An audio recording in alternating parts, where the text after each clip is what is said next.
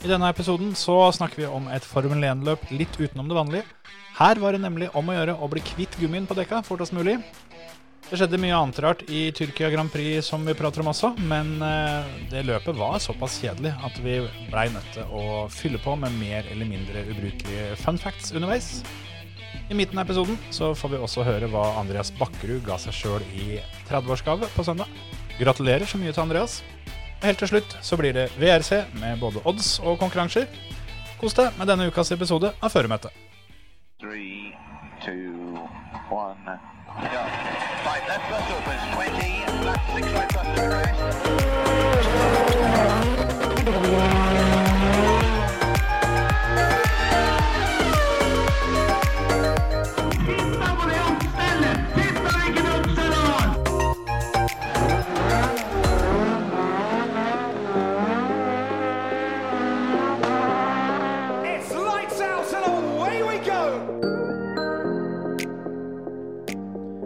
Velkommen til en ny episode av Føremøte.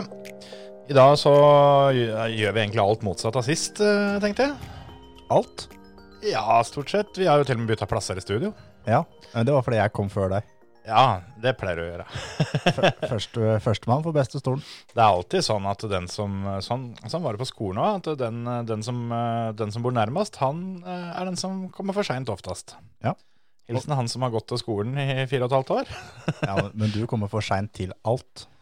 Absolutt alt her i livet er du forsinka til. Stort sett. Du var forsinka til din er- egen fødsel. Altså, ja, det er helt riktig. Men det er ting som begynner for tidlig. Nei, det er faktisk ikke det. At, at jeg er eh, sånn generelt litt på bak, bakfoten, det, det er fordi at eh, det er eh, den interne klokka går eh, ti minutter for seint. Ja. Jeg er egentlig fem minutter for tidlig ute, for jeg kommer stort sett fem minutter for seint. Du har aldri vært fem minutter for tidlig ute i ditt liv. Jeg er sikker på hvis du hadde nå fått i oppgave å ramse opp ti ting du har kommet for tidlig til, så hadde du slitt. Og det er da i løpet av 40 år. Det har du rett i. Jeg kommer ikke på så veldig mye, nei. Nei, ikke sant? Jeg var veldig tidlig ute når jeg kjørte, kjørte guttungen til fotballskole i går, men det var fordi jeg trodde det begynte en time før. Men kom du da for seint til det klokkeslettet du egentlig trodde?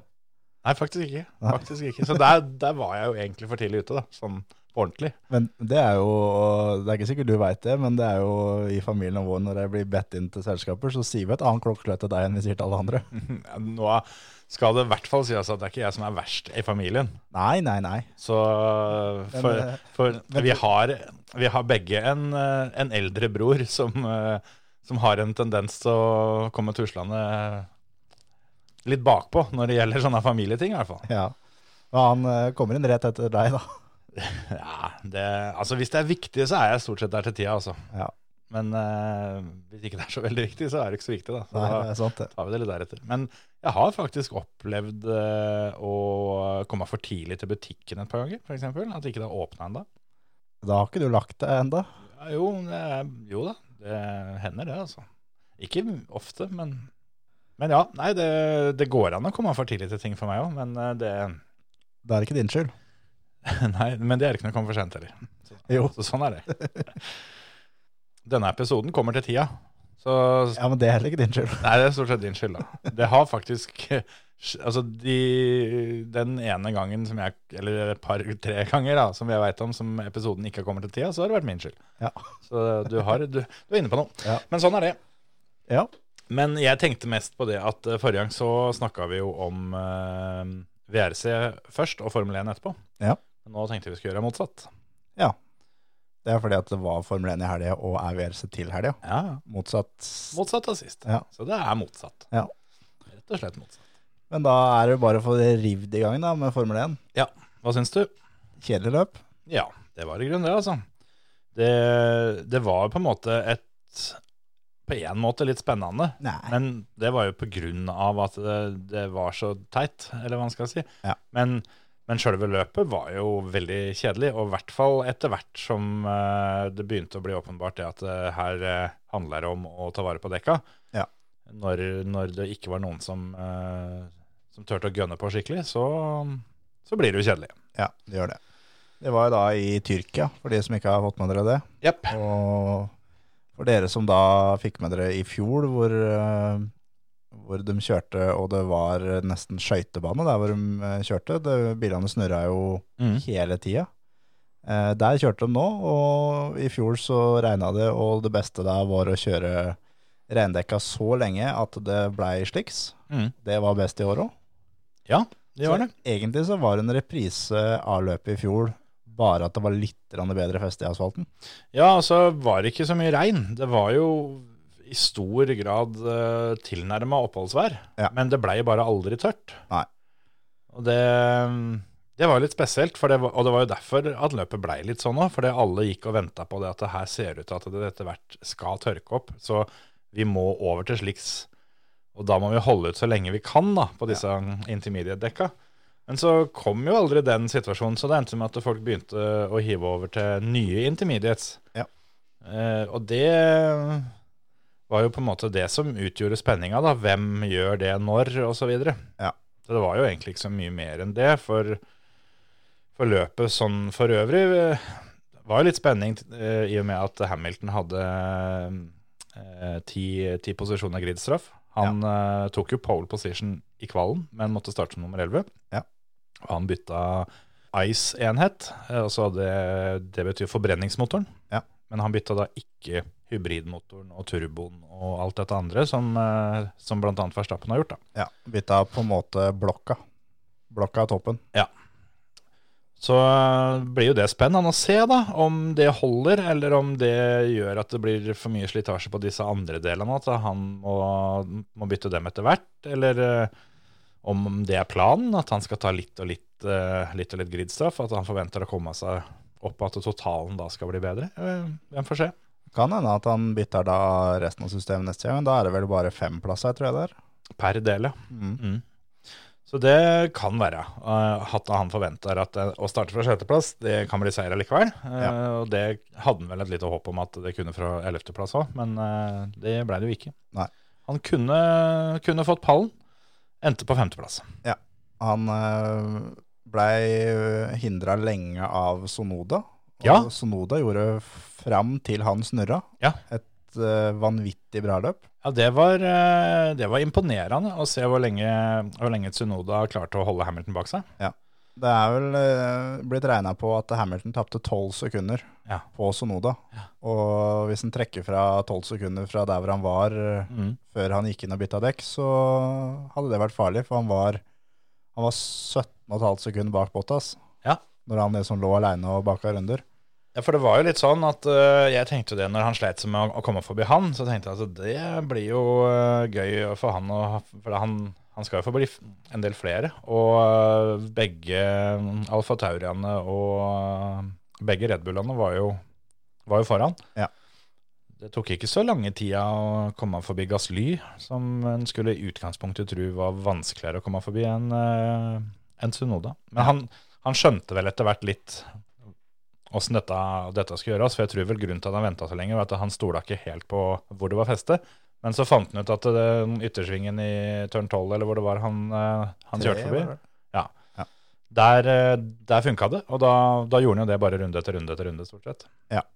Han gjorde det. Så jeg syns Hamilton imponerte skikkelig på vei opp der. Og fikk en fight mellom han og Perez som var uh, veldig spennende å følge med på. Og der så du på en måte den gjensidige greia for hverandre, da. At eh, jeg skjønner greit, du kjører for Red Bull, jeg kjører for Mercedes. Vi er Mhm. fiender, men vi er faktisk kompiser på utsida av banen allikevel. Og de fighta hardt, begge to, men Mm. det var ingen som var noe sånn Det var ikke noe stygt fra noen av dem. De var like harde mot hverandre, begge to. Og hadde det vært en fight mellom Hamilton og Max Stappen, så tror jeg det der hadde Den fighten hadde gått over mye tidligere. Ja, det tror jo for så vidt jeg òg, for eh, hvis den skal Altså, en annen ting jeg tenkte på, er at eh, hvis eh, dommerne skulle vært konsekvente, så skulle Hamilton hatt straff. For det hadde det, hadde det vært noe annet enn asfalt, eller hadde det vært noe annet enn pit lane, der som han presser um, Peres. eh, Perez av banen, så hadde det blitt straff òg. Jeg er ganske sikker på. Men fordi utfallet av, av situasjonen eh, endte med at han ikke, ikke tente noe på det, så fikk han ikke noe. Ja. Men det er jo en helt lik situasjon sånn som det um, Peres og Leclerc og de var vel flere som holdt på med dette på Red Bull Ring, var vel da det hagla Med straff her, ja. av fem sekunder her. Så Men, men så er det også sånn at eh, skulle de vært helt konsekvente og, og gjort alt sånn, så skulle jo egentlig Peres hatt straff, han òg, for han kryssa noen hvite linjer og ja, ja, ja. Absolutt. Selv om absolutt. ikke han gjør det frivillig, så, så krysser han faktisk de linjene. Og Mm. så, sånn sett så skulle det jo egentlig vært på en måte fem sekunder begge veier. Ja, det er vel litt, eh, litt uh, skilnad på om du, om du, om du har noe valg sjøl eller ikke, da. Ja. Men eh, jeg, jeg veit ikke, men det kan hende at det var en medvirkende faktor til at Hamilton var litt snillere inn i turn 1 i den der fighten der, fordi han tenkte kanskje over det sjøl. Ja. Sjøl om det var aldri noe kontakt, ikke noe sånt noe. Så det, det får vi aldri vite, da. Men eh, jeg tror at hvis Hamilton hadde endt opp foran i den duellen, så kunne det blitt interessant. Ja, det Men tror òg. i og med at det aldri kom opp noe sånn at eh, no, in, no, no investigation needed, Ja. så tror jeg ikke de så på det engang. Men, eh, og jeg syns jo at det der må være lov. Ja, ja, ja. Er, eh, og særlig når det har vært en sånn fight over flere runder, og Jeg Ja. syns jo det burde være lov på Red Bull Ring òg, for så vidt. Ja, ja, ja. Så, Og det er som det at det er det her eh, Formel 1 trenger. Det trenger to biler side, side om side som Ja. er nesten kontakt, noen ganger litt kontakt, uh, som fighter. Og det er det det Mm. var, det var jo den fighten der som var høydepunktet i hele løpet. Ja, ja, altså det, det var på en måte løpets øyeblikk, var Ja. den derre defenden til, til Perez der. For det, det var ganske heftig, det. altså. Det er ikke mange som eh, får til et comeback etter at Hamilton faktisk har bilen fri foran deg, og så, og så klarer fortsatt å forhindre det at han ender opp foran. Nei, det var eh, imponerende kjørt faktisk av, Perez. Samtidig, så når vi er inne på straffer Jeg, jeg, jeg syns jo Gasslys sin straff også var ganske tullete. Ja, den var streng. Det, og spesielt, altså Jeg syns at uh, hvis det skulle vært gitt ut noen straff der, sånn, så er det Alonso som skulle, skal få den. Ja, og han, han får den jo på en måte ved at han blir stående igjen. Ja. Men uh, da, for dere som ikke så, så løpet, så starter Alonso 6 og prøver å gå rundt uh, Gasly uh, inn i første svingen. Mm, Gasly har en bil på inneren og har ingen sted å gå, og Alonso svinger inn, og der er eh, Gasly, og Alonso snurrer ut og havner bakerst i feltet. Og eh, det er faktisk eh, Alonso som svinger inn på Gasly, og Ja. da og treffer han, så, men det er Gasly som får fem sekunders straff. Ja. Du kan jo si at det, det var Alonso hadde, hadde bilen lengst frem, og han var ikke på utsida av banen, eller noe sånt noe, men det er et spor som, som ikke noen gang vil være ledig.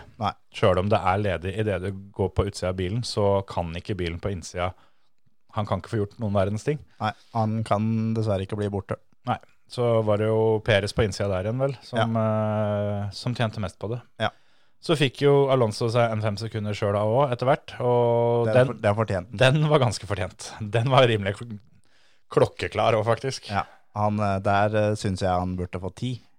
Eh, Ja. Kanskje mer òg, for eh, Det har vel Han, også vært litt eh, sånn før noen ganger, at de, de delte vel ut en ti sekunder mellom var det Kimi og Fettel eller noe sånt nå på Red Bull-ringen. Ja. Og det er jo da Alonso som eh, bare sender Mick Schumacher av gårde. mm. Vekk.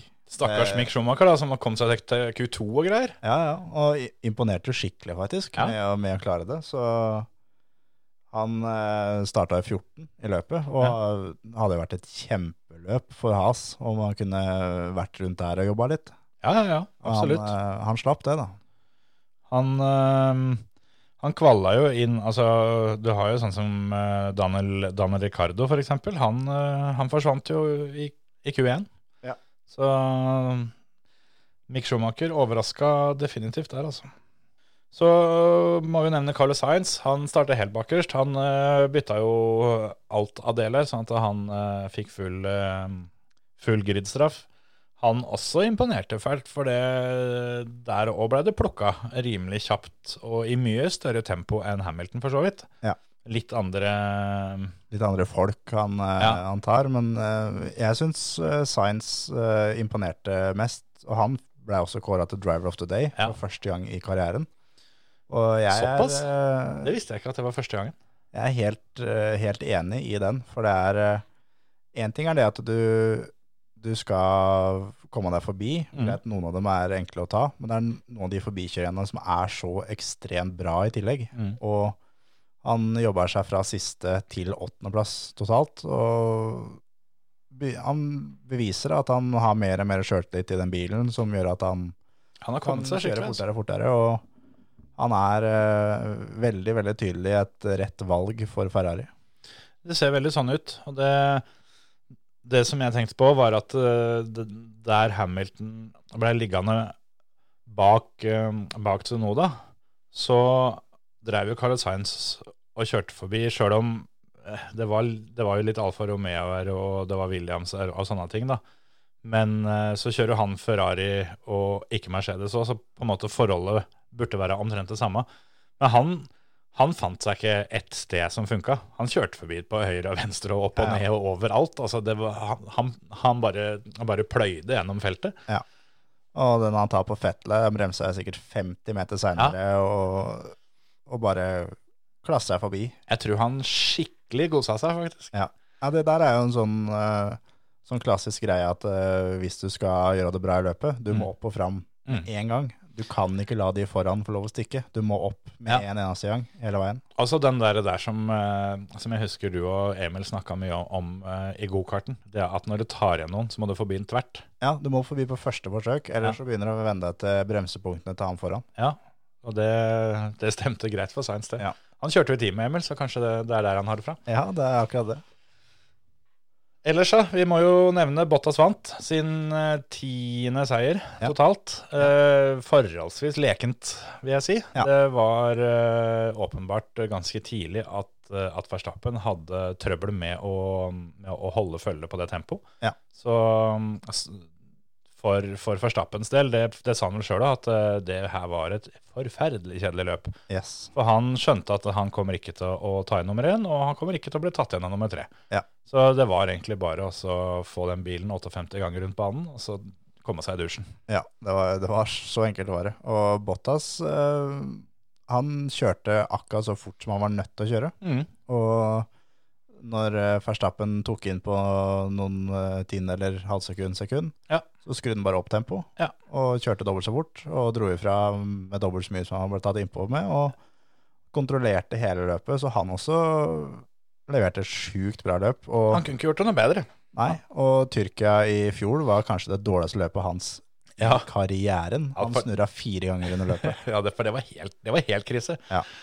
Tok kjappeste rundetid og alt sammen. Og sånn som du sier da, for det, det var ett punkt der hvor, eh, hvor det var veldig mye fokus på det at eh, nå hadde antageligvis Verstappen spart på, på dekka sine. Ja. Sånn at nå skulle han sette inn eh, støtet. Så gjorde han jo det, da.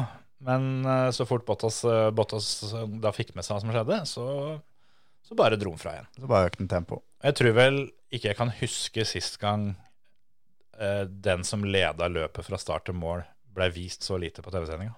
Nei, det er akkurat det. At det- var jo det var, Verstappen ble omtrent ikke vist i det hele tatt. Nei. Og Bottas òg er De kjører rundt i det tempoet de har, og det var ikke spennende i det hele tatt. Eh, Og løpet var jo Ja, det var jo et generelt kjedelig løp. Ja.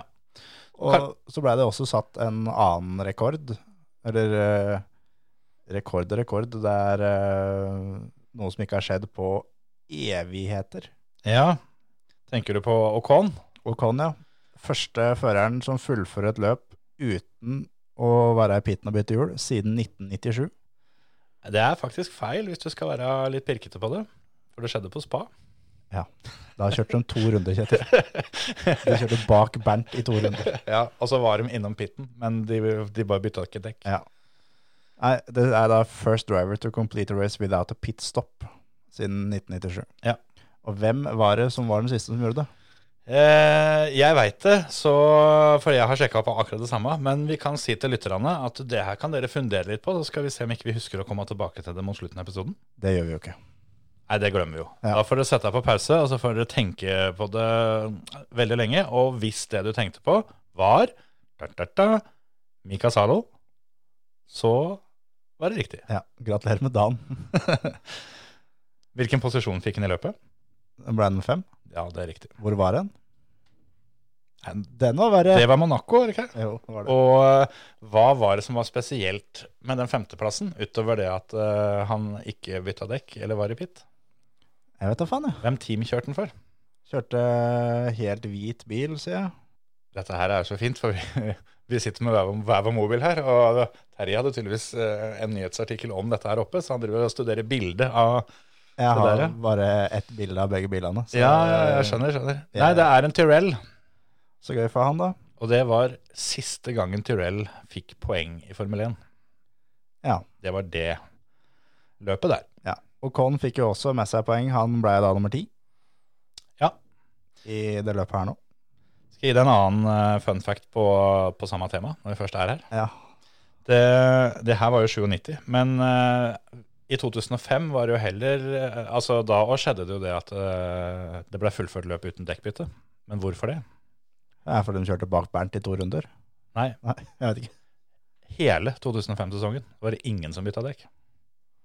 Nei, for det var ikke dekkbytte. Det var en sånn sær greie med at det, var ikke lov å bytte dekk. Ja. Det var lov å fylle, fylle bensin, men eh, ikke bytte dekk. For det var, var farlig, det. Ja.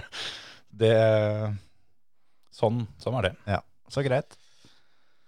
Vet du eh, Mest sannsynlig ikke. Nei, nei det, jeg orker ikke. Jeg har en fun fact om Sandtvort til 61 òg, men det, det lar vi være. Ja, den lar vi faktisk ligge. Men eh, en annen ting, som også er litt sånn fun fact-quiz-greier, for det um, Fettel gjorde noe spesielt dette løpet her, som, som det bare var han som gjorde. Ja. Tenk hvis det hadde funka. Ja, det, er- det er klart, det er klart. Men altså, ja, han kunne jo Han uh, kunne jo hoppa, hoppa fallskjerm med, og på en måte prøve å blåse opp T-skjorta si òg, og se om det, det funka. Men Jo, jo, men uh, det som var at Fettel gikk inn og bytta til sliks. Ja. Uh, når det Det begynte jo å tørke. ja da, det var jo ikke noe Det var jo ikke noe nedbør lenger, og det var jo Det var jo ikke noe sånn Jeg vet ikke hva de kaller det på norsk. Stående vann. Altså Det var ikke noe vanndam her. Ja. Det var bare fuktig asfalt. Og jeg husker jeg tenke, tenkte når jeg så at de satte på sliks, at Mm. eh, jeg skjønner så jævlig godt hvorfor de gjør det òg. Ja. Fordi da så lå den 13-14-ish. Ja, ja. Er utafor poenga uansett. Har ikke noe å tape. sånn Løpet sånn er på en måte egentlig over. Har ikke tempo til å komme seg opp og fram. Da, da må du prøve en sånn greie, da. For, for hvis det der funker, så er han Da kunne han fighta om pallen. Ja, ja, ja. Ja. Da måtte eh, resten gått inn og bytta til, til sliks. Da hadde det blitt et helsikes baluba hvis det der hadde funka, for da måtte alle andre inn. Du kan jo tenke deg en Altså, De som trodde det, de hadde tatt en undercut før, de, de, de, hadde, de hadde skjønt at de ikke hadde gjort det. Ja. For det her, hvis det hadde funka, så, så snakker vi jo uh, altså, mange mange sekunder på runden. Ja, ja, ja. Og for hver eneste runde Han hadde jo undercutta fort hele feltet der. ja. Og det, det er sånn derre Løpet De har ingenting å tape. De kan potensielt få en pallplass med å gamble sånn som det de gjør. Da, jeg skjønner godt eh, at de gjør det, men uh, han sa jo sjøl i intervjuet at han, han merka det når han ble sluppet ned fra jekken, at det her er feil valg. Ja. Så det var jo å tusle rundt den runden der og inn i pitten og sette på regnhjulet igjen. Ja. Men er, jeg syns det er kult det, at, det er, at det er noen som faktisk prøver sånt. At ikke det bare er inn, sette på regnhjul, sånn som alle andre gjør. At det er Ja, ja. Aston Martin har vært, vært ganske bra på det der, faktisk. Og prøvd ting som ingen andre har prøvd. Ja. Og faktisk treffer på det tidligere i år. Ja da, det, det skal sies at det, det var et fryktelig optimistisk valg, men eh, ja, den ene gangen det, det funker, så, så sitter den skikkelig. Ja. Jeg, jeg applauderer sånt.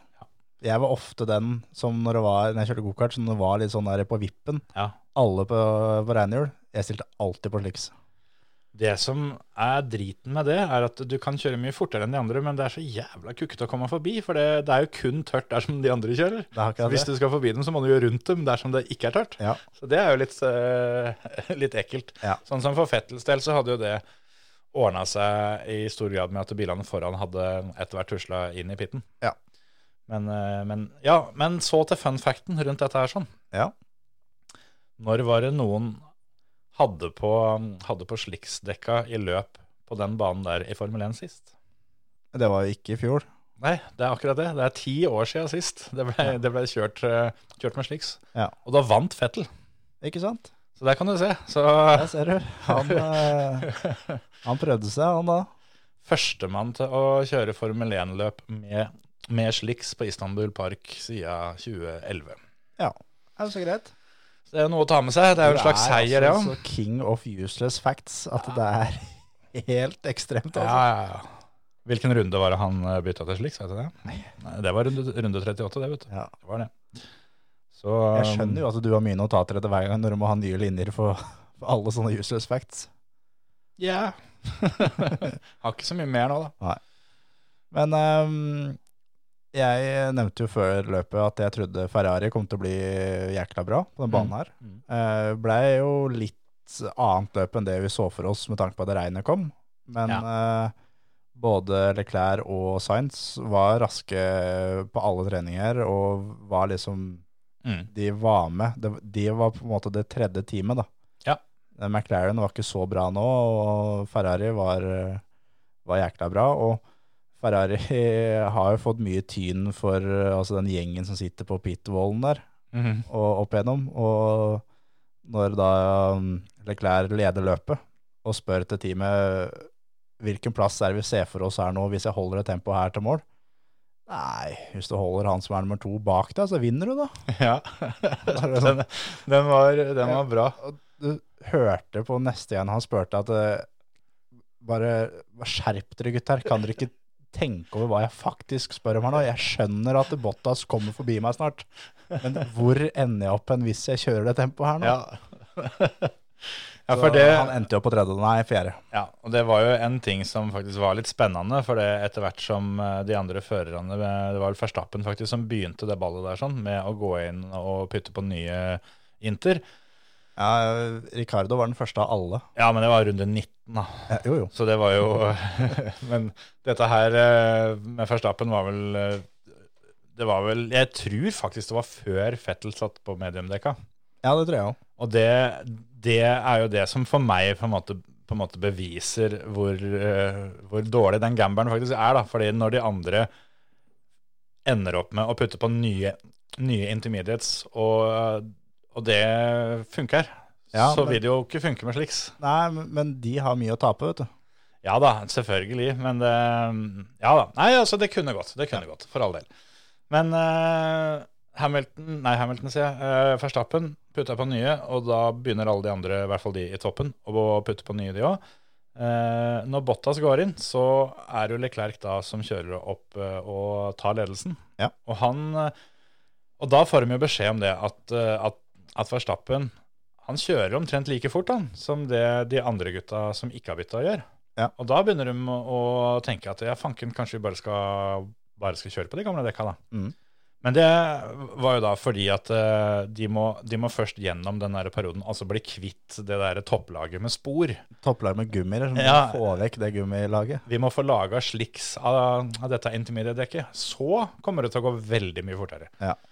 Og uh, Leclerc han uh, ble jo litt grådig kanskje da, og, og holdt seg ute helt til han ble kjørt forbi av Bottas. Da, da skjønte han at ok, dette her funka dårlig, så da går han inn og bytter han nå, og taper jo litt mer enn det han, enn det han var nødt til. Men fortsatt ikke i nærheten av like mye som Hamilton, for han fikk jo beskjed om å komme inn i runde Jeg mener det skulle være runde 41. Ja. Ender opp med å gå inn i runde 50. Ja. Og det var 58 runder. Så han eh, mista jo en tredjeplass, som i hvert fall ifølge analysene så var det det han, det han hadde fått, og det var det han lå på. Ender opp på femteplass. Og sinna som ei fele. Mm. Men uh, jeg mener i hvert fall det at den får han ta på oss i egen kappe. Ja, det, det føler jeg òg, for det.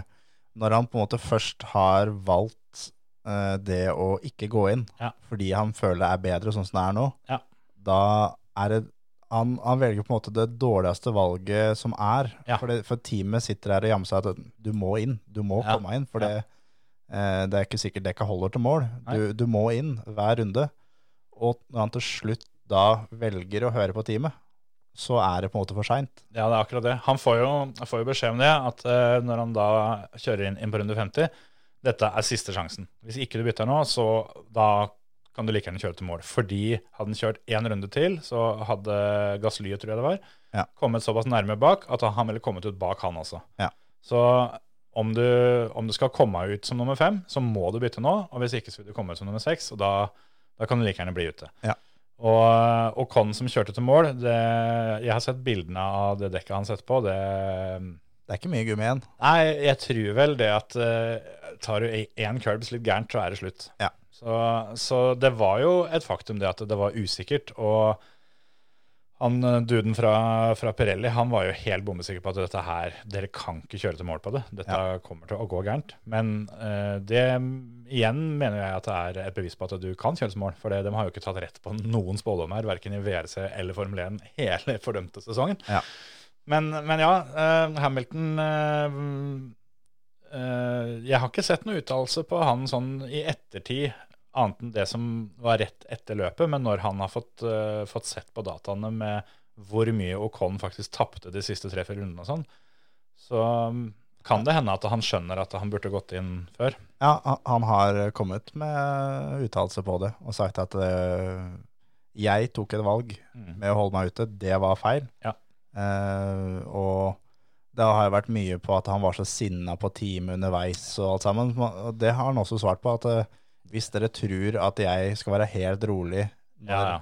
når enten jeg eller teamet har driti oss ut, så tar dere helt feil. Ja. For det, vi er konkurransemennesker alt sammen, og han var veldig også på det at uh, vi, vi gjør feil sammen, og vi vinner sammen og alt sammen. Og uh, det har vært flere ganger som teamet har driti seg ut, som har gjort at han har dette Ja, ja. langt ned. Og Absolutt. nå så har han innrømt at han gjorde en feil som gjorde at de datt ned.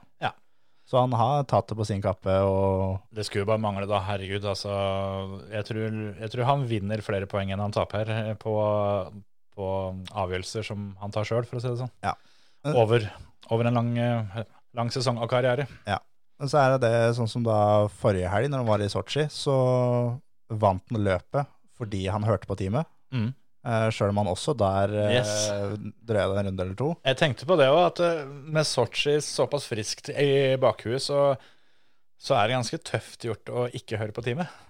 Men så er det også det at uh, det blir helt andre forhold, da, med tanke på at dekka går bort sånn som det de gjør. Og Og så ikke minst med tanke på hva han gjorde der i fjor. Ja. Da kjørte han jo noen og 40 runder på de her eh, skvær gående inter, eh, interdekka sine, så han så jo for seg at dette her kunne gå. Ja. Og hadde det vært eh, tre runder mindre, så kunne det, kunne det fint gått òg. så nei, jeg, men jeg, jeg syns han eh, gjorde et eh, jækla bra løp sånn generelt. Og det, er, det skulle bare mangle at han også gjør sånne, sånne feil. Ja da. Det, det, må, det må være lov å um, ta noen den veien òg, for det, har jaggu vært mange nok andre veien. Ja. Men eh, skal vi innom Maserbin en liten tur òg, eller? Jeg har i notatene mine eh, som punkt nummer ett, der står det Masterpin, er en, og så sånn klovne-emoji. Ja, det er jeg helt enig i. det er sånn det står der. Han er altså så ræva, han. Jeg, jeg, jeg kan ikke få sagt det. Det er ikke bare at han er et dratetryne av profesjonell grad, men Nei. han, han er, han er ræva på det han driver med òg. Det sier jo litt om hvor ofte han er ræva, når jeg forrige gang trodde at det var han som brøyt, og så var det jo ikke han engang. Nei, ikke sant? så Det er liksom Han, han eh, både kjører sakte, eh, Mick blir snurra, kommer bakerst, og allikevel så er han så langt foran. Og eh, når Fettel går inn i pit og kommer ut på slicks, så alle tar igjen Fettel, Ja. unntatt Masepin. Ja. Og Fettel rekker å gå i pitten en gang til, sette på renhjul og komme ut foran Masepin. Mm. Og så er det når han, eh, han eh, holder igjen eh, Hamilton. Han ble tatt med en runde der som Ja. er sånn derre Han, Hva faen er det du driver med? han legger seg til sida, og idet Hamilton på en måte gjør seg klar til å, å, å gå forbi, så ombestemmer han seg og hiver seg inn i, i hovedsporet igjen. Ja. Det, altså han, han Bare for da å kjøre rundt én sving til, og så kjøre til sida og bremse. Sånn at eh, han taper jo masse tid på det. Så hvor, hvorfor kunne du ikke tatt den bremsinga før svingen, da? Ja. Er, altså, du taper jo akkurat like mye som om, om du gjør det etter. Det er Ja, bare at han andre ikke, ikke taper så mye.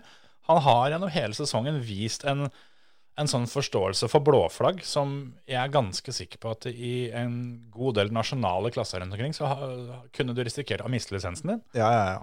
Uten tvil. Han, han holdt på sånn som det der i et uh, bare et nasjonalt gokartløp i Norge. Ja. Så hadde han fått beskjed om å pakke sammen og reise hjem. Ja, det altså, Gang på gang på gang. Det, jeg kanskje tror det kanskje at, ikke i Norge, faktisk, men i Sverige. ja. ja, men jeg, jeg tror det der, det der som eh, i uh, de fleste litt seriøse klasser, så tror jeg at det der, hadde, hadde ført eh, til en eller annen reaksjon, og i mange tilfeller så hadde han fått beskjed om at eh, sorry, Mac, du får ikke være med mer. Ja, du, du finner på noe annet. Og han sa jo det før sesongen, at eh, jeg har aldri fått blåflagg i hele mitt liv, så jeg må lære meg åssen det funker. Ja, og det Jeg har ikke sjekka, men det må være ljug. Ja, det, det er nødt til å være ljug. Alle Og- har jo fått det. Ja, og han er nødt til å ha, finne ut åssen det funker, for Ja. nå er vi snart uh, Vi er tre kvart Vi er kjørt 16 løp. Ja. Og Han har fått blåflagg mer enn én gang på de uh, per løp. Fy fader. Det, han har i 15 av de 16 løpa Ja, kan hende han har brutt såpass tidlig at han uh, ikke har fått det i alle. Men jeg tenkte, bortsett fra spa, så har han vel antageligvis blitt lappa hver eneste gang. Ja, det Og har jo flere biler hver eneste gang òg. Ja. Og det, han her sitter og har superlisens. Ja, Det og, er altså så tullete. og han eh, Formel 1 har blitt så sjukt at eh, han, han sitter nå og har sannsynligvis Formel 1-sete i eh, ja, overskuelig framtid. Ja, det tror jeg. Han, eh, jeg tror ikke vi blir kvitt han med det første. Nei. Og det er eh, kun fordi Formel 1 har blitt sånn at det er penga som rår. Det òg har jo eh, kommet veldig tydelig fram, da, i og med at eh, Qatar eh, har fått seg en tiårskontrakt. De skal, skal kjøre løp der um, seinere i år. På en, jeg husker ikke hva den banen heter, men det er en bane som er veldig kjent for MotoGP, blant annet. Ja. Men så skal de ikke kjøre løp neste år, for da, da skjer det litt annet nedi der. sånn. Da har de vel forhåpentligvis fått bygd ferdig noen stadion der, sånn at de er klare til fotball-VM. Eller forhåpentligvis er jo helt feil å si, for det der kunne de i grunnen tatt rennafart og driti i. Men uh, året etter så skal de da ha, ha Formel 1 der i uh, en tiårskontrakt. Ja. Og hvis ikke det viser at penga rår, så er det ingenting som gjør det. For eh, det, det Formel 1 og, og Liberty Media og alt det der, der driver med, det der We Races One og alle, alle de her kampanjene er sånn, de tar et svært We, We Races One-flagg, legger en svær kabel på midten og smører den utover hele flagget. Yes. For det er så tomt og så hult at det er til å få vondt i magen av. Nå er det vel snart flere løp i, eh, i og omkring Emiratene enn det er i Europa. Ja, nærmer seg. Og, eh, ja, nei, eh, og spesielt Qatar, da. Den banen som de, som de skal kjøre på nå, det er jo ikke Altså, det er jo ingen som bryr seg der nede, annet enn uh, annet enn eierne som skal ha det på TV. Så de har jo ikke bygd tribuner engang. Nei. Det er én tribune for at de, de skal ha med seg noe, ha med seg noe VIP-folk, sikkert. da. Det kommer nok, da. Det når de skal i gang. Ja, får jo tro det, men de har jo ikke, de har vel ikke gjort det når de har hatt løp der før. Jeg tror ikke de har brydd seg med det da. Nei, det er ikke sikkert. Og det viktigste blir jo TV. Men uh, sportswashing, som det heter, hvor uh, de betaler svimlende summer for å skaffe seg en uh, positiv omtale, som igjen da skal, opp, som igjen da skal dekke over alt det kjipe de gjør, det får de lov til. Det syns jeg er forferdelig nitrist. Men eh, siden vi er på vei nedover nå, skal vi ta en pause, og så skal vi på vei oppover til VRC. Syns du, syns du var på vei nedover? Ja, det, det, det fiser ut, dette her. Ja, ja, ja. Nei, men det er greit, det. Det er greit, det. VRC. Du hører på Førermøtet, Norges beste motorsportpodkast. Da ble det en liten pause, men uh, dette ble litt rart, for nå hopper vi inn uh, midt i episoden med noe som vi egentlig har spilt inn helt til slutt. Ja, jeg hadde nesten rekt å ta på meg skoa og var på vei ut døra her, når vi kom på at Det, vi har glemt ting. vi har glemt ganske mye ting. Eh, vi skal ikke gå gjennom alt av det som vi ramser opp med at uh, dæven, det har vi glemt. Det har vi også glemt. Og faen, vi har glemt det òg. Ja. Men eh, den viktigste tingen som vi har glemt, og i originalopptaket, er jo at vi har fått en norsk europamester i rallycross. Det er helt riktig. Andreas Bakkerud vant uh, EM.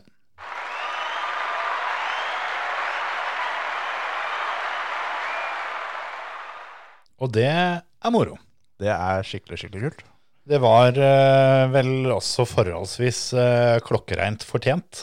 Ja, Vil jeg si. og klokkereint forventa, for Ja, jeg, som jeg har sagt til flere av mine kompiser, at eh, hadde han ikke klart det der, så kunne han faktisk bare drite i det, altså. ja det er i grunnen sant. Mandy Og vært- August sto i sjette sporet i finalen der. ja. Ei tysk dame på 47 som ikke kan engelsk, eller noe sånt. ja, Hun er rundt 47, jeg, om hun er 47, det vet jeg ikke, men hun er, hun er nærmere 50 enn fødsel, da. Ja, det er hun. Det er helt riktig. Men det, ja, spesielt etter at uh, Anton Marklund og Thomas Bryntesson uh, ikke skulle kjøre full sesong, Ja. så var det bare, bare Bakkerud og teamkompis Baumanis uh, igjen i praksis. Det var et par av disse her Paillet og de her franskmennene, men dette var noe han, han burde vinne, og det var noe han gjorde. Ja. Han hadde jo sin skjerv med litt uflaks underveis, han òg, så, så seieren blei ble bare sikra med fire poeng i det aller siste løpet. Ja. Han vant vel også da det første løpet sitt for sesongen. Ja, var, han var jo helt overlegen hele dagen. Hadde tre beste tider og én andre tid. Ja. Og var eh, Ja, han var ordentlig på ballen, da. Og det er jo, som han har sagt tidligere, det er i de situasjonene der som han trives best. Når Ja. det, er, eh, det er ordentlig press på seg, og det er eh, ting som skjer hele veien, og du må være skjerpa.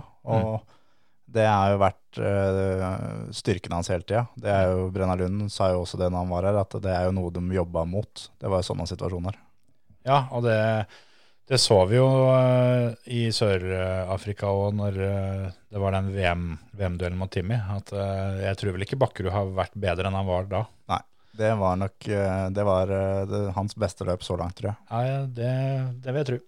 Så det eh, måtte vi rett og slett ha med. Eh, jeg trodde jo det, eller det vi kom på først, at vi, at vi hadde glemt. Det òg må vi jo faktisk innom en liten tur, for eh, du har gjort comeback. Jeg har gjort comeback. Og da tenker jeg ikke på det at eh, du har kjørt simracingen, for det har jo vært pause der ei stund nå, så du har jo funnet en ny, ny serie av vinnerløpet der òg. Ja. Men uh, det var ikke det vi skulle snakke om. Nei, for, for nå går vi gjennom hele lista som vi sa ikke vi skal gå gjennom. Ja, ja, men ja. Det var så kjapt at det teller ikke. Ja, jeg, jeg Du har hatt på deg hjelmen! ja.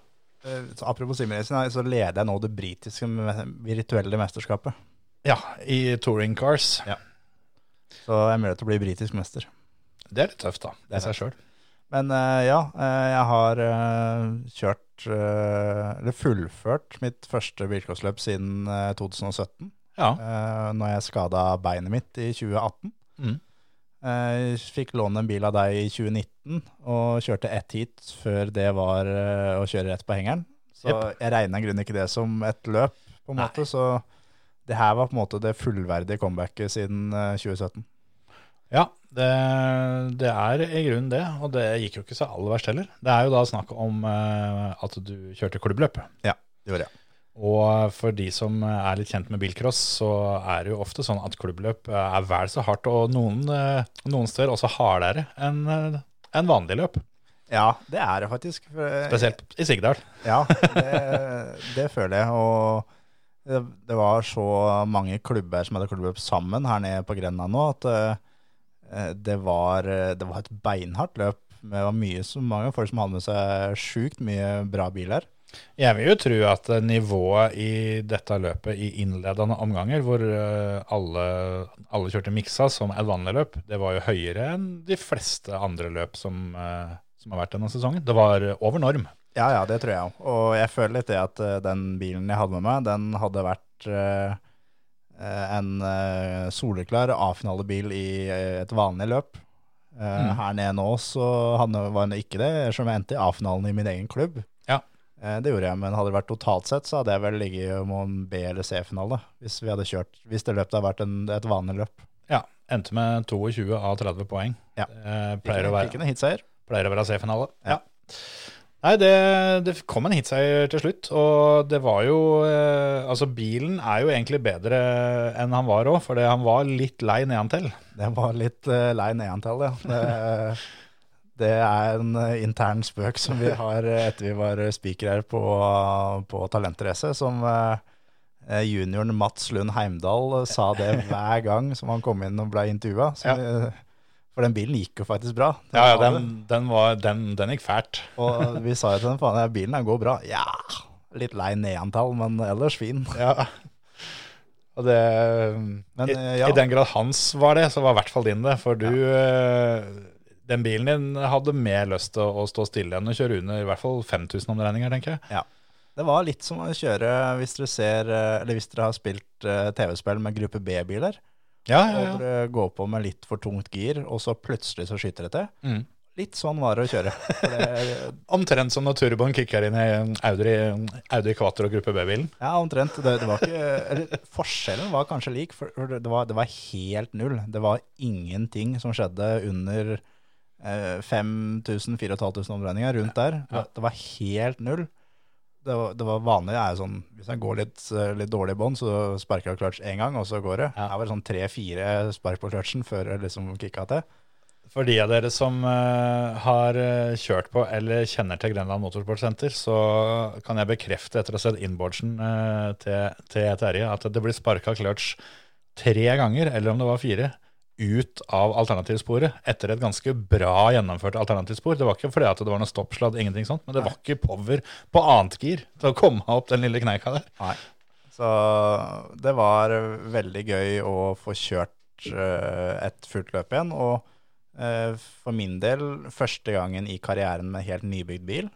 Eh, det er eh, bilen som jeg sjøl hadde langs veien da jeg var 18. Så Ja. det var det var en eh, veldig spesiell følelse å kjøre fram til plata i første omgang med, Ja, ja. med den bilen igjen. Så det var greit å få kjørt og finne ut hva som må gjøres gjennom vinteren for at den skal da være en mye, mye bedre bil når du stiller et vanlig løp. da. Ja, for det blir kjøring neste år nå. Ja, nå blir det, blir det kjøring neste år. Og så må jeg også da Jeg må takke uh, Jens Mad Dog Vål for, uh, å- for, for lån av kjøresko. For det, jeg holdt på å flytte om dagen, så kjøreskoene mine de sto under en pappeske. Det kom jeg på når jeg var på vei ned til Grenland på morgenen. Det skal jeg bare skyte inn og si at det syns jeg Altså Det var selvfølgelig litt kjedelig for deg, men det var veldig fint for meg. For at du har vært veldig god på det. Og så hele tida liksom komme med de, de her stikka til meg om at eh, ja, men eh, da må du være litt bedre forberedt. da, Så må du, må du, må du kanskje finne det fram på onsdag istedenfor fredagskvelden. Ja. Så når jeg fikk melding av deg at eh, har du de gamle kjøreskoene mine fortsatt, kan du ta med dem? ja. Ja, det kan- hende. Så, og jeg var rundt hele depotet egentlig, og fikk egentlig lånt noen kjøresko av noen fra Froland, men der var såla borte og sånn. Og så var da Jens Vål, han var starter, og så så jeg at bussen var der, for søstera Helene skulle kjøre. Ja, ja, ja. Tenkte jeg at uh, Jens er ikke typen som tar ut kjørestyret sitt mellom hver gang han kjører, det ligger i bussen. Jens har kjøresko, så på beina hans, han har store labber. Ja. Så spurte jeg om han hadde sko, det hadde han. Og de funka, funka skikkelig, de. Ja, det var mye takket være det at det ble A-finale. Ja. Jens var veldig skuffa at skoa bare holdt til fjerdeplass.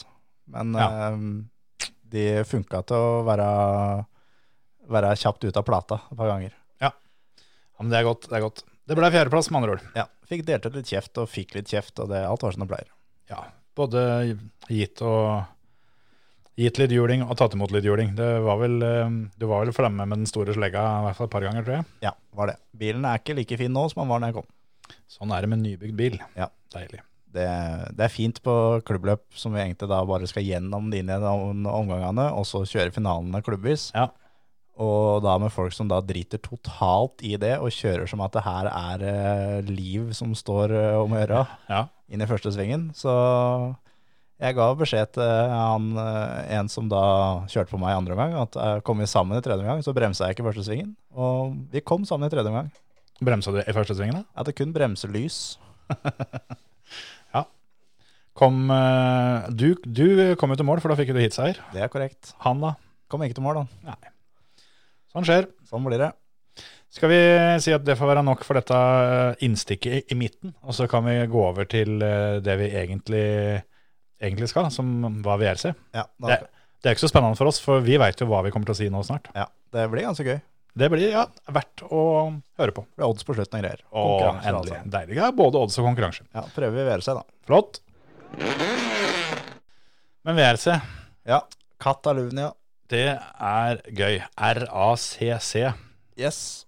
Det er vel spanske NAF. Ja, det tror jeg fort det er. Ja. Fin gjeng, sikkert. Sikkert, Gud vet. sikkert eh, I driver hvert fall bedre enn gjengen i Qatar. Det kan godt hende. Sikkert Men- bedre enn gjengen i NAF òg. Ja, det kan også hende. Hvem veit. Men uh, uansett, uh, sist, eh, ikke siste, men nest siste runde i VRC for sesongen. Ja.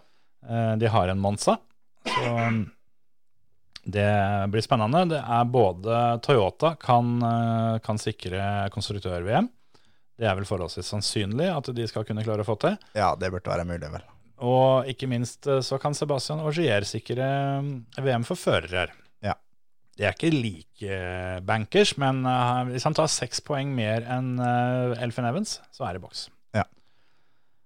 Og den eh, at Oshier vinner, den har jo egentlig du jinxa tidligere i sesongen med å ha satt hele sparekontoen din inn der. min gud. Og den, Jeg, den ser mindre og mindre og mindre sannsynlig ut. Og det er nesten eh, Hvis, hvis Elfin Evans vinner i år, ja, da, så er det der, det er sånn et så klassisk Kjetil Flåten-moment at jeg kan å- ikke få sagt det engang. ja, da må jeg rett og slett begynne å ta betalt for eh, den jinxinga mi. Da må, da må rett og slett de som eh, driver og sportsbooker for eh, litt større summer, eh, bare betaler meg for å, for å spille mot dem. Ja.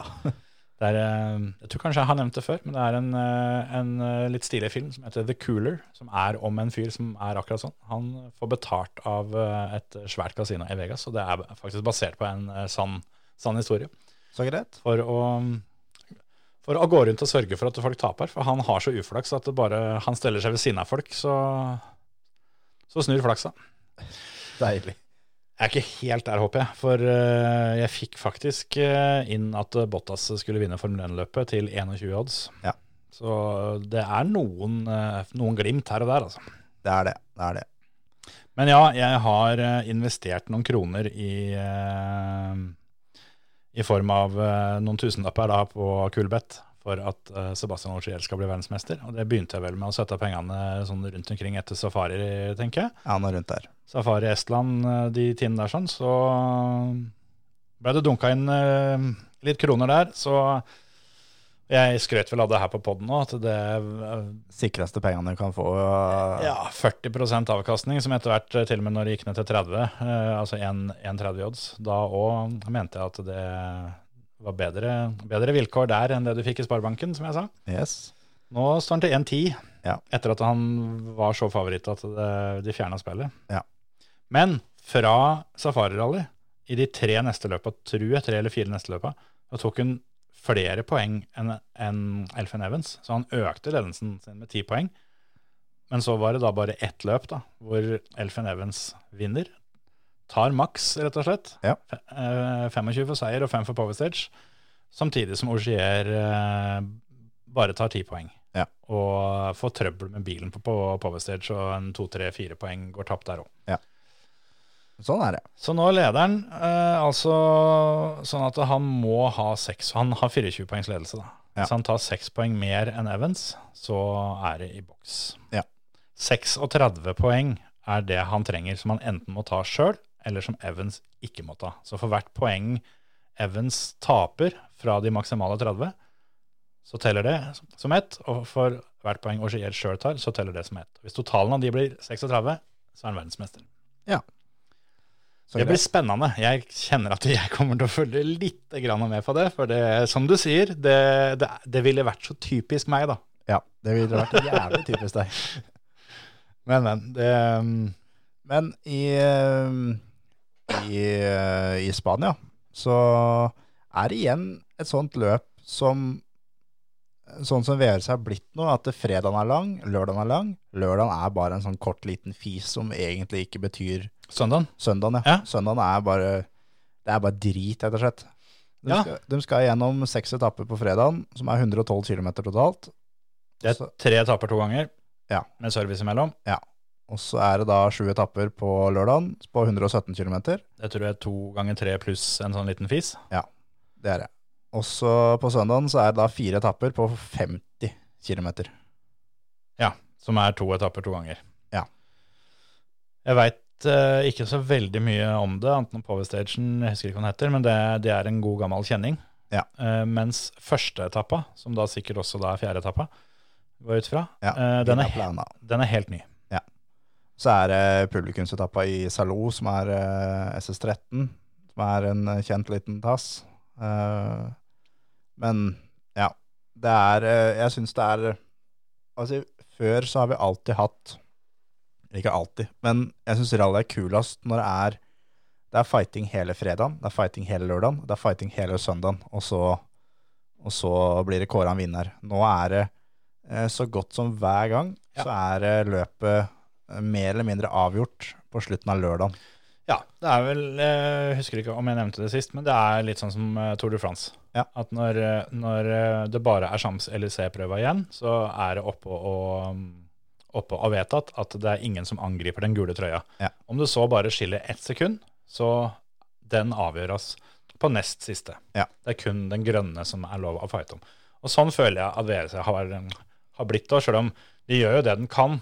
Men det er for lite kilometer på søndagen til at det er noe særlig å få gjort.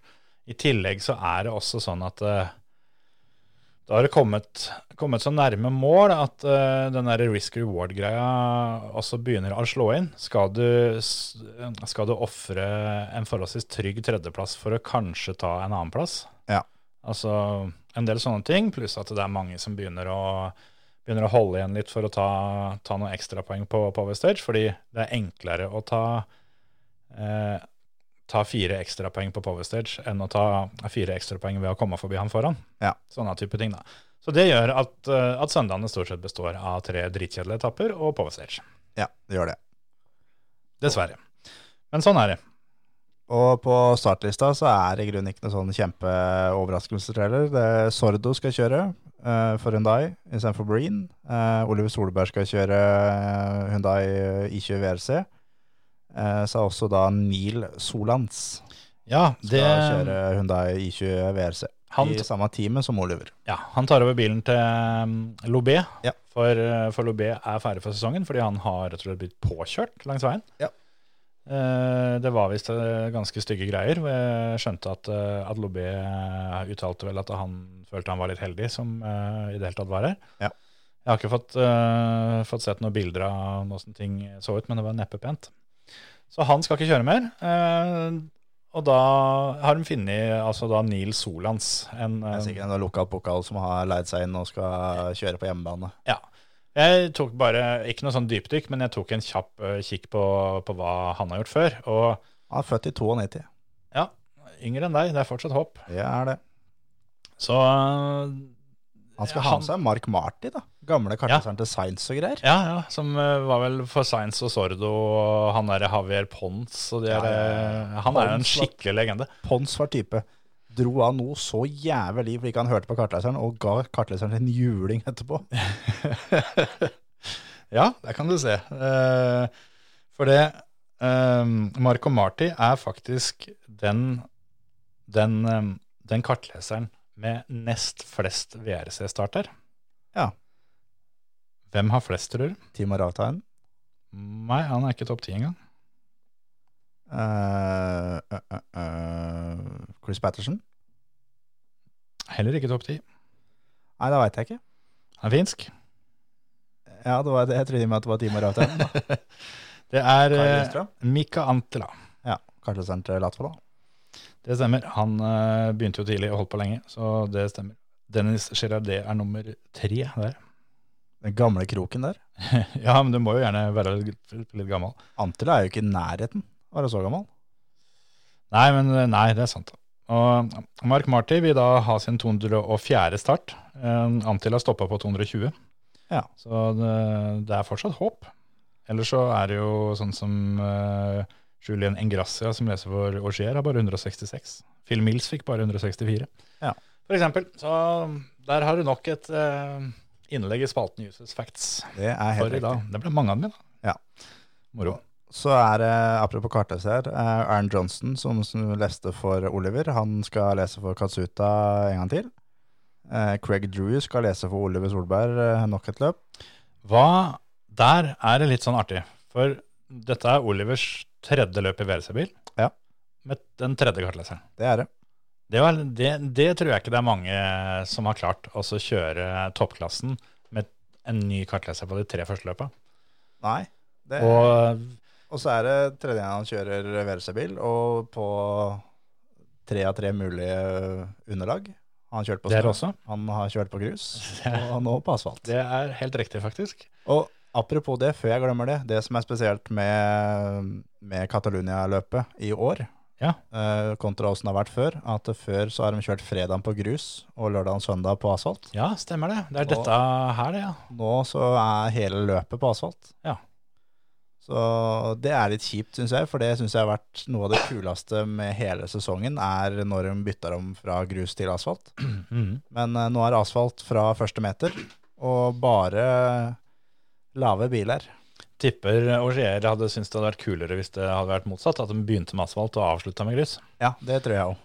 For uh, det Det så jeg som et innlegg, for det har jo vært, eh, eller er jo, et hett tema med hva skal Augier gjøre neste år. Eh, jeg tror det var Dirtfish som, som hadde en artikkel om det, hvor, eh, hvor de tok fram igjen det der som jeg eh, og, og har nevnt før, at han sjøl har sagt det, at hvis han blir verdensmester i år, så kommer han til å gå for å forsvare tittelen, så lenge det er på en måte Mulig. Eh, ja, ja. Så om han, om han bryter de tre første løpa, så gir han faen. Ja. Eh, men eh, det med å kjøre utvalgte løp, da blir det Monte Carlo. Det er det eneste som er 100 sikkert. Mm. Men så er det mange da som er ganske sikre på det at da kommer han ikke til å kjøre noe særlig mer før, før på sommeren. Og det at han kommer til å, å kjøre disse sommerløpa hvor han eh, mer eller mindre for, for første gang på veldig lenge kan starte som nummer ti istedenfor nummer én. Ja. Ja, det tror jeg òg. Å kjøre på grus. Jeg tror han har litt lyst til det. Ja, det tror jeg fort jeg òg. Og det blir som sånn, siden han vinner i Monte Carlo, da. Da kjører han Sverige. Nei, ja, men så er det, det er ikke noe fett for han å ligge først på veien og bli nummer åtte i Sverige. Nei, nei, men altså nei, Hvis det er du vinner det et er løp, da. akkurat det her han hater med rally. Det er Ja. den regelen der. Det, Det er det, ja, det, er det, som irriterer han mest over alt som finnes på denne jord. Det er den derre Ja. med at eh, han blir straffa fordi han har gjort det bra forrige gang. Ja, det, og, men det er jo fordi at det går utover han. Han hadde jo ikke hata det hvis han hadde Hvis han hadde tjent på det hver gang. da. Nei. Nei, nei, nei. Men det er litt det at jeg, som jeg sier, at jeg tror da Jeg tror ikke han kjører Sverige, og jeg tror også for Toyota sin del at Lappi da ikke kjører Monte Carlo, starter langt bak i Sverige, Mm, mm. så er plutselig Lappi en kandidat til å vinne Sverige. Ja, ja, altså på, på papiret. Det er ikke noe tvil om at det der eh, er veien å gå. Men det er klart, hvis han vinner Monte Carlo, og ettersom i hvert fall Dirtfish mente, da, så, så er det 100% opp til, opp til, opp til Augier sjøl hva, hva han vil. Nå er det litt usikker i og med at de har, de har signert Lappi og sånne ting, så de må jo ha lova noe. Ja, de er nødt til å ha gjort det. Så det, det kommer ikke til å skje at Augier kjører full sesong. Det er eh, Ja, Da må de finne en bil til, da. Ja, men det, nå er det ny, altså, nye homologeringer, og de bygger ikke sånne biler på over natta. Nei, og det, det var poengtert der òg, angående Katsuta. Eh, og der, eh, som de sa, at de forventer at Katsuta kjører, kjører full sesong. Men hvis, det, hvis de andre bilene blir kjørt sunn fælt, Ja. og de begynner å, å gå tom for bil, Ja. så er det Katsuta sin bil som ryker. Ja, det er nok det. Og det der har jo vært uh, lignende situasjoner før, hvor da tredje-fjerde bilen ikke Ja. har begynt sesongen sin før i Mexico, som er er tredje-fjerde runden eller rundt her. Og fordi at de er i manko på biler og manko på deler Ja. uh, gjennom sesongen. For det, det er sånn uh, De har ikke begynt å produsere bilen ennå. Nei, altså, de har vel hatt noen testbiler og sånt. Jo, jo, det er en testbil, men, eh, deler av bil og alt sammen er Ja. de ikke i gang med omtrent ennå. Og det, de skal godt ut i neste sesong før alt er eh, Mm. på plass. Uansett hvor mye budsjett de har. Ja. Det tok, jo, det tok jo Toyota noen år med den bilen de har nå, før de hadde en ekstrabil eh, som eh, var Latvala, vel, som kjørte den i Sverige i 2019 eller 2018, eller hva det var. Ja, Grøna. Ja, han, eh, han kjørte jo eh, Finland, han, på, på 50-årsdagen sin. Eller var det Sverige? Sverige. Sverige, ja. Ja, stemmer det. Ja, det var faen meg tier. Herregud, jeg håper han eh, plutselig finner ut at han skal være 25 igjen. Ja, For en fyr. det er type. Men uh, har, vi, har du noe mer om uh, Spania, eller skal vi tippe, tippe pallen? For Det eh, kan vi godt. det begynner å røyne på her. Skal vi, skal vi, skal vi børste litt støv av den odds-jingeren vår? Og så ta litt av det? Kan vi gjøre. Odds, odds, Odds. odds. Penger i fòret. Odds, odds, odds, odds. Ja da! Odds. Odds. Kjør odds! Odds! Der satt den, Anger. Ja, den var like fin som før. Helt lik. Ja, ja, ja. Jeg eh, Ja, skal vi tippe pallen, og så kan vi bygge det litt rundt det? Ja, det kan vi gjøre. Du skal få lov å begynne, du. Skal jeg begynne? Da har jeg Oshier Neville, Sordo. Å, helle måne, og jeg håper du har rett. For da vinner far penger, vet du. Ja. Det, det gjør sønnen, holdt jeg på å si. Det er jeg òg. Ja, Augier er Kulbeth sin favoritt til å vinne løpet, med fire blanke odds, bare så det er nevnt. Eh, Neville 470 og Sordo 11. Ja. Jeg Blir det for åpenlyst Altså, er det sånn at ikke det funker hvis jeg, hvis jeg jinxer det for tydelig? Ja, det funker ikke, nei. Nei, da får jeg tippe at Nuville vinner. Eh, og så tror jeg at uh, Evans blir nummer to. Og Kalle Nei, og Tanak blir nummer tre. Ja. Neville, Evans, Kalle Nei, Tanak. Så jeg feil to ganger på rad. Jeg har i hvert fall, og det her kommer til å bli tidenes jinx Jeg er så ferdig med å tape penger på Daniel Søldo. Jeg er så ferdig. Og det trodde jeg forrige gang òg, men så endte jeg med at jeg, jeg tapte mer penger på Daniel Søldo. Yes. Så den Coolbet-kontoen min, eh, den, de har jo som alle oppegående og hva skal du si, ansvarlige bookmakers, så har jo dem eh, har, har jo dem systemer som gjør at du kan utelukke deg sjøl fra ting. Enten fra alt eller, eller fra deler. Jeg har utelukka meg sjøl fra å spille kasino der, f.eks. Ja. For det, det, det er bare fordi det er jævla gøy. Ja, ja. Og jeg er ikke så flink til det, tydeligvis. I den grad det går an å bli flink til sånt. Men eh, hadde det vært en knapp der som på en måte blokkerte meg og min konto fra å spille på ting som har med Dani Soldo å gjøre, så Ja. der hadde jeg trykt på den tvert. Med en gang. Med en eneste gang. Og jeg hadde, jeg hadde logga av på igjen, bare for å dobbeltsjekke at det ble registrert. Ja. For, så han har jeg ikke noe trua på. Altså. Han eh, kom på pallen der forrige gang de kjørte. Fint for han. Sånn har det jo vært stort sett i alle alle, alle løp i år. Jeg tror Neville han, eh, han vant i, eh, i Belgia. Det var riktignok hjemmebane og sånn, men eh, ja, jeg, jeg føler liksom litt det at han Han må steppe opp litt. Ja. jeg- Evans har også vært ganske bra. overraskende bra på asfalt, når jeg sjekka tilbake. Men jeg tror, eh, sånn som Spania er kjent for å være, så er Spania er så nærme de kommer en racingbane Mm. eh, gjennom hele sesongen. Det er kjemperaske asfaltveier. Og så er det vel stuegulv. Er stuegulv, det er breie veier, eh, alt sånn. Og uh, i Monte Carlo, var det vel, så var det ja, Det var på søndagen der. Så det var da to etapper, eh, to ganger. Ene etappa var kort og knotete. Mm. Andre etappa var rask og breie svinger. Ja. Eh, Toyota-førerne var overlegne på kort og knotete. Mm. Hundai-førerne var overlegne på rask og, og kjappe svinger. Mm. Og jeg tror det at Hyundai eh, kan være ekstremt raske i det løpet her.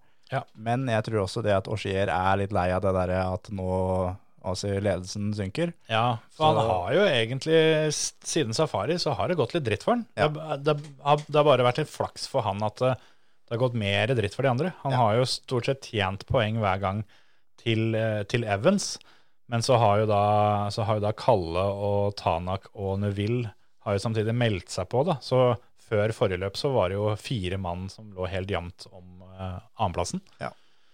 Men jeg, jeg jo tror jo det, at han er sugen. Men uh, Og så starter han først på veien, som ofte er en gedigen fordel i asfaltløp. ja, det, har ikke, det, det, det var jo ikke sånn i Belgia. Nei. Der var det mye støv på veien, men eh, i Spania pleier det å være sånn. Ja, der er det mye kutting og dra jord og grus og ut på veien. Eh, nå er det vel forholdsvis pent vær der nede og har vært der en stund nå, så det er jo ikke noe gjørme de drar inn, men det er grus og steiner og Ja. alt sånn. Og det har vært flere filmer på det at rallyfører de, de kutter litt ekstra når de er først på Ja. veien for å ødelegge for de bak.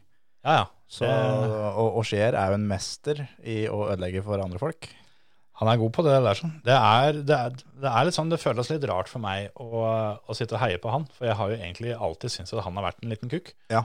Så, som har vært han fyren som jeg egentlig ikke har eh, hatt, uh, hatt noe håp på. da.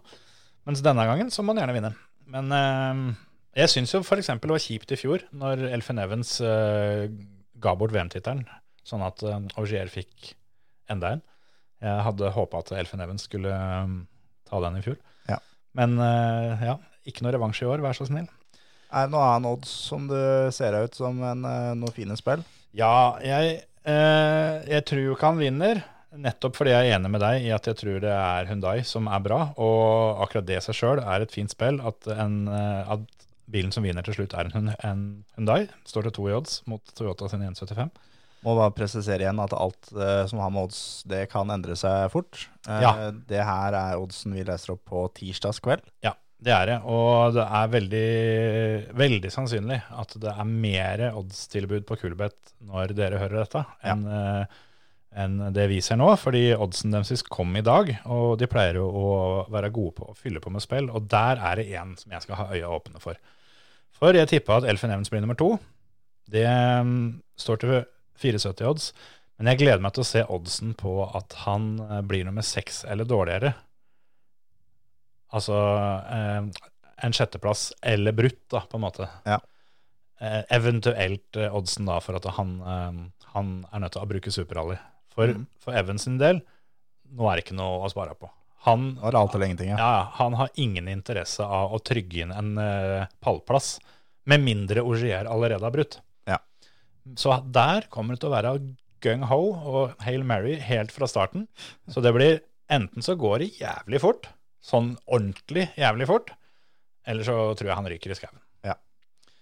Så, så det er et spill jeg skal følge litt med på. Det Eller- andre Eller så tar han en sånn klassisk Evans-greie, som er å kjøre sånn middelmådig fort, eh, tredje-fjerdeplass, og håpe at det andre går til skauen. Ja, det, det har jo vært en oppskrift for ham. Men han Jeg tror han eh, Det var bra for han i forrige løp, og det å dominere lørdagen og ta totalseieren. Det kan hende at det var en liten propp ut av systemet på han. Ja. Jeg har faktisk uh, satt uh, tre spill mens vi har sittet og pratet her nå. Oi. Uh, jeg har satt tre head-to-head-spill.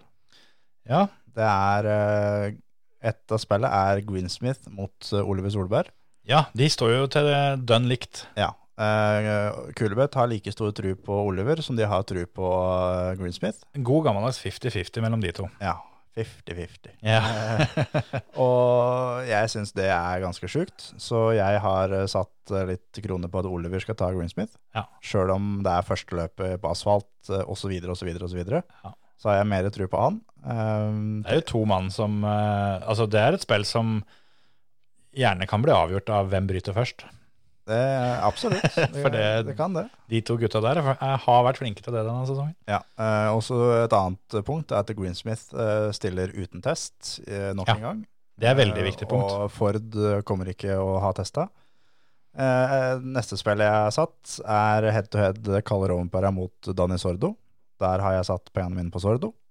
Ja, til 205 der, ja. 205 i odds. Eh, neste head Det skal ikke jeg gjøre. Eh, Neste head to head er Tanak mot Neville, og jeg har satt pengene mine på Neville. Ja, til 1,91 på Neville. ja. Og så har jeg også satt uh, til Auxier til å vinne løpet. Eh, jeg har satt en liten slenge på at Neville vinner løpet, og en bitte liten tass på at Rovenberg vinner løpet. Ja, for det, det, Det er litt sånn, jeg tar en litt sånn helgardering der på de tre. Ja, Ja, men det er jo i og med at uh, oddsen på Augier er fire, så kan du jo spille på fire forskjellige biler, Uh, og da vil du gå i null hvis han vinner, og så tjene penger på de tre andre. Ja. Men uh, det kan være en femtemann som dukker opp. Kan det. Men akkurat det med Kalle er en ting jeg har tenkt på. Han står til ti odds for å vinne per nå, da. Det er jo ting som uh, kan endre seg, som sagt.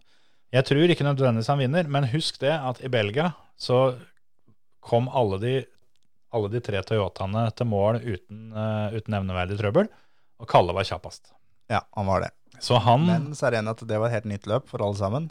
Nå Ja. skal de tilbake til løpet folk kjenner. Ja, for det har jo vært Kalles uh, store styrke. Har jo vært det at når det har vært helt nye etapper med nye noter, da er han der. Så det er noe å ha i bakhuet til, til live-oddsen. Kanskje Kalle til å vinne SS1 kan være en fin en.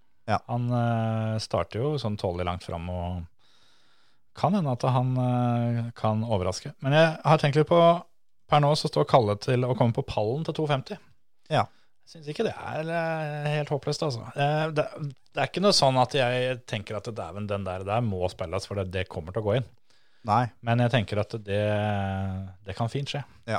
Så men eh, hva si, Spania har bydd veldig lite på hva si, avkjøringer og sånn. Og eh, det er så stuegulv og sånn, så det er lite punkteringer har vært opp gjennom tidligere. Og alle tidligere resultater har jo vært med at de har hatt en dag på grus, hvor mm. da sånn som Sordo har kunnet uh, jobbe seg opp på resultatlistene mm. uh, med bra startposisjon på grusen, og vært med i fighten uh, etter hvert.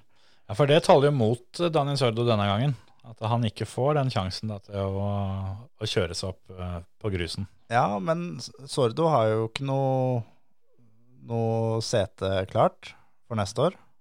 Eller han har jo med å dele bil med Oliver. Ja.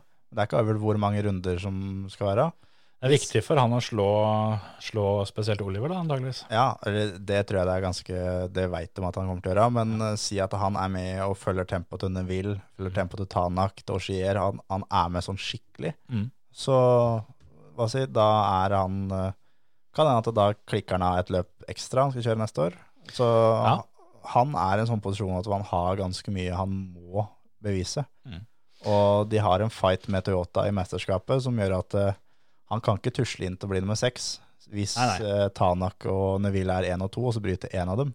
Han må være eh, to, tre, fire, fem rundt der. Og han må være klar. Ja. Det er jo en ting vi kan ta med, for det, det var jo ting som vi nevnte det i introen sist, at det, det var en del kort i, i, i kabalen for, for førerne for neste år som har kommet på plass. Ja.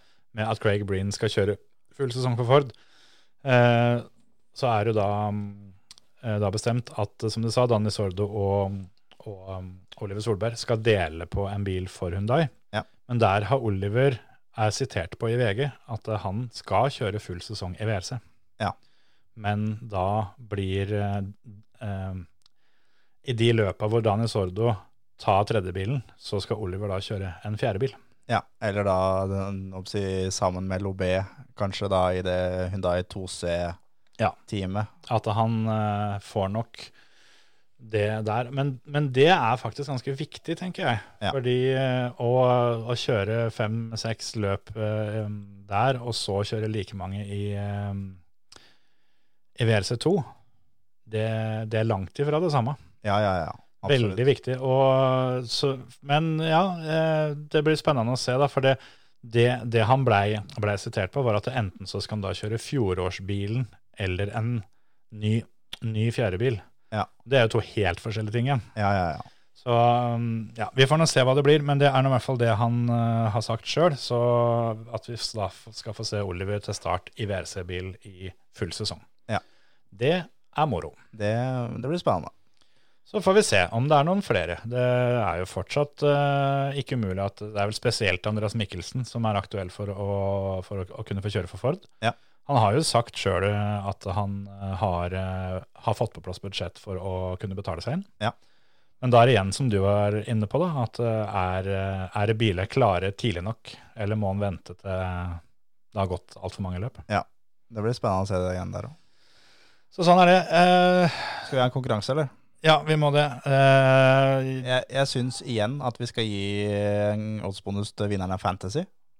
ja, det kan vi gjøre. fantasyvrc.com, liga-ID 44. Ja. Det er eh, gratis å bli med. Er du ikke med fra før, så kan du bli med der. Og vinner du, så får du en oddsbonus hos Kulbeth. Det er riktig. Og så vi burde ha en til. Jeg, den klassiske plasseringa til Oliver Solberg. ja, jeg, opp? jeg har litt lyst til å ta noe som folk kan tippe på underveis i løpet òg. Så jeg har lyst til å tippe vinneren av Power Stage. Ja. Hvem vinner Powerstage? Ja. ja. Den i orden. Eller skal vi ta en kombo, at du skal tippe plasseringa til Oliver på Power Stage? Nei, det blir for innvikla. Det blir for mye greier. Ja. Hvem vinner Power Stage? Hvem vinner Powerstage? Du får, uh, får en premie. Ja. Hva du får ennå, det veit vi ikke. Men premien blir det. Det blir premie, og uh, så er det vel bare å minne på at Kulebet har, uh, har live odds underveis. Og det er en gullgruve. Det er veldig, veldig moro. Uh, Det er ofte korte frister, spesielt når ikke det er service mellom. Så fordi eh, oddsen på SS2 kommer gjerne ikke ut før etter at SS1 er ferdig. Ja. Og da er det et tight vindu der, sånn, så det lønner seg å være litt på ballen. Men der hender det ofte at du finner noen skikkelig koselige spill. Ja. Skal vi si det er bra? Snakkes til uka, folkens. Ha det. Ha det.